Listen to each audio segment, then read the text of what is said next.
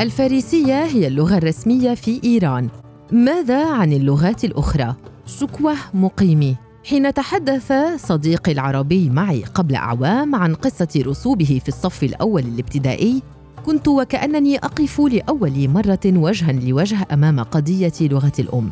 وذلك عبر قصة طفل لا يتجاوز عمره السبع سنوات يجلس في صف أمام سبورة كتب عليها مدرس الفارسية مفردات لا يفك الطفل طلاسمها معضلة لم أواجهها ابدا كمواطنة فارسية في إيران.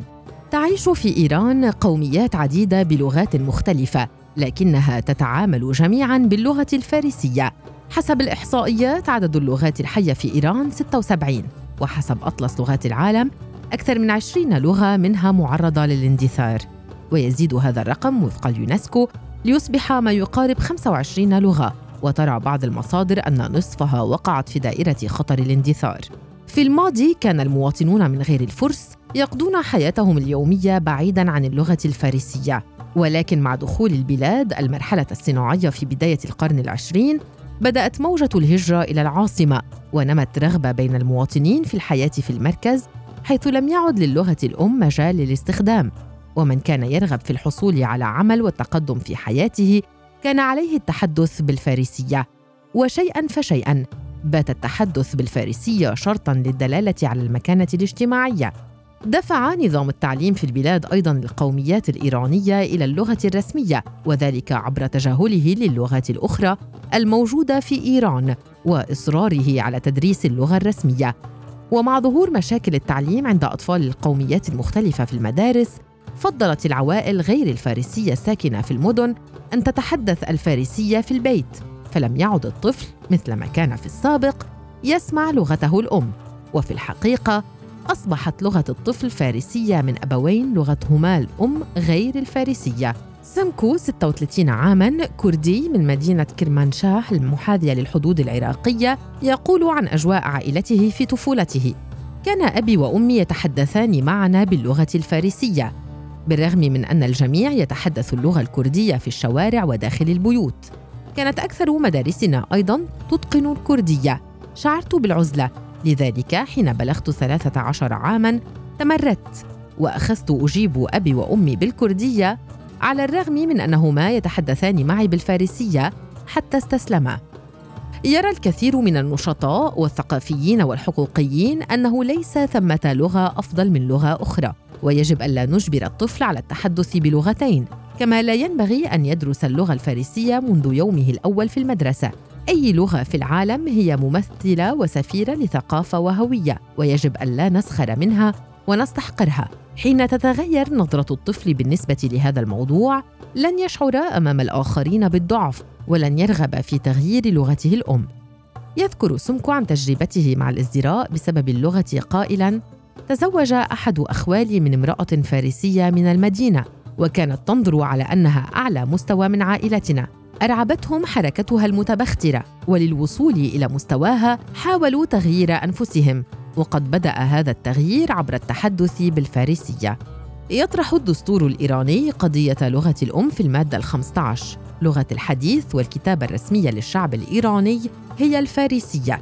يجب أن تكتب النصوص الرسمية والكتب المدرسية بهذه اللغة، أما استخدام اللغات المحلية والقومية في الصحف والإعلام وتدريس آدابها في المدارس فمسموح به إلى جانب اللغة الفارسية، ولكن لماذا لا تبادر وزارة التعليم والتربية بحل معضلة التلاميذ ثنائي اللغة؟ أخرج المخرج محمد رضا فرطوسي المنحدر من مدينة المحمرة في محافظة خوزستان جنوب غرب إيران في عام 2001 فيلما بعنوان ذلك الرجل لديه حصان وهي الجملة الأولى التي يتعلمها الأطفال في المدارس الإيرانية آن مرداسب دارد وهو يروي اليوم الأول لتلميذ في قرية عربية في محافظة خوزستان حيث ولأنه لا يتقن الفارسية لا يستطيع فتح نافذة حوار مع معلمه أو فهم ما يقوله.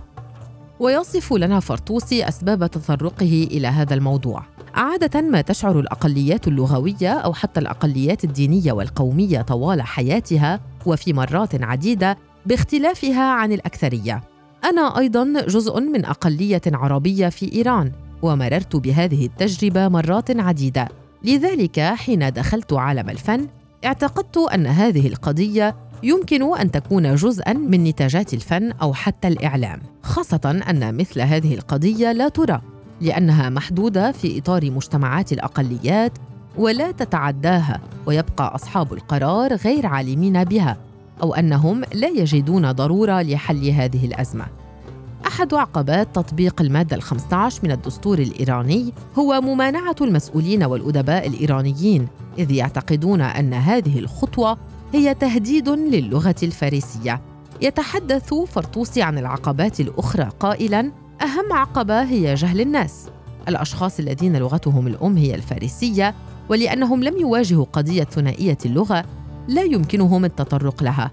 العقبة الثانية هي القوى الحاكمة حيث يربطون قضية اللغة بالقضايا السياسية ووحدة البلاد ويجعلون من قضية اللغة قضية معقدة بينما وفي الحقيقة السياسيون أنفسهم هم من يسيسون اللغة وليس المطالبون بها لقد رأينا طوال سنين عديدة أن المطالبة بالدراسة بلغة الأم ليست إلا شعارات انتخابية يهتف بها لانتخابات رئاسة الجمهورية والبرلمان ويشير إلى دور العالم الافتراضي في تحسين الأوضاع قائلا مع الانتشار الواسع في الأعوام الأخيرة لشبكات التواصل الاجتماعي تطرق الكثير من أصحاب اللغتين إلى تجاربهم التي تتعلق بمواجهة اللغة المسيطرة في البلاد.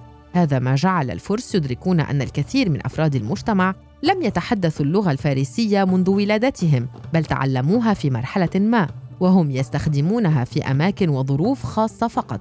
وحتى في عام 2009 اعترف وزير التعليم حينها بأن 70% من التلاميذ في إيران ثنائي اللغة. ويجيب نفس المخرج على تساؤل حول توقعاته لمستقبل الإجراءات التي سيتخذها نظام التعليم في البلاد لحل هذه المشكلة. أعتقد أن ضغوط شبكات التواصل الاجتماعي وطرح مطالبات الأقليات فيها ستؤدي إلى استجابة الحكومات لهم وإن كانت هذه الاستجابات شحيحة. مثلا في عام 2015 أعدت كتب صغيرة للمرحلة المتوسطة باللغة الكردية والتركية بصورة تجريبية وفي عام 2016 أضيف الأدب الكردي والتركي لبعض فروع الجامعات. قد تمنح هذه الإجراءات أملاً ولكنها ليست كافية وحتى تحقيق هذه المطالبات أمامنا طريق طويل.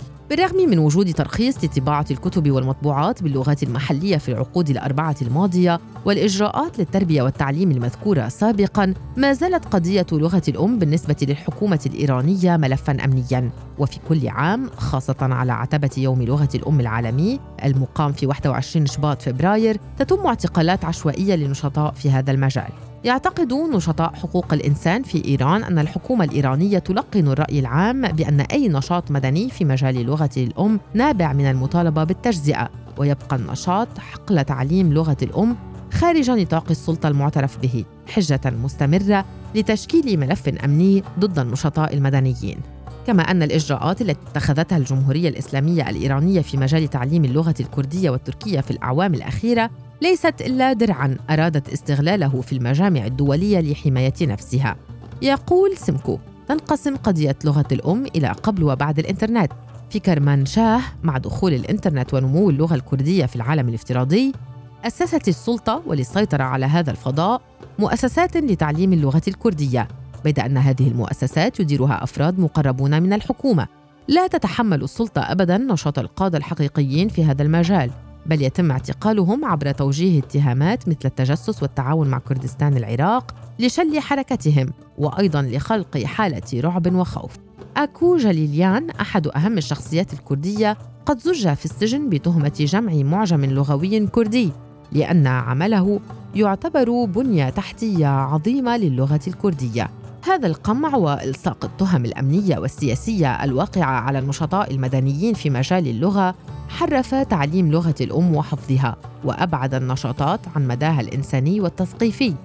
وهو أسلوب وقف عقبه دون إيجاد البنى التحتية اللازمة لتعليم وتدريس لغة الأم أو التعليم بلغة الأم.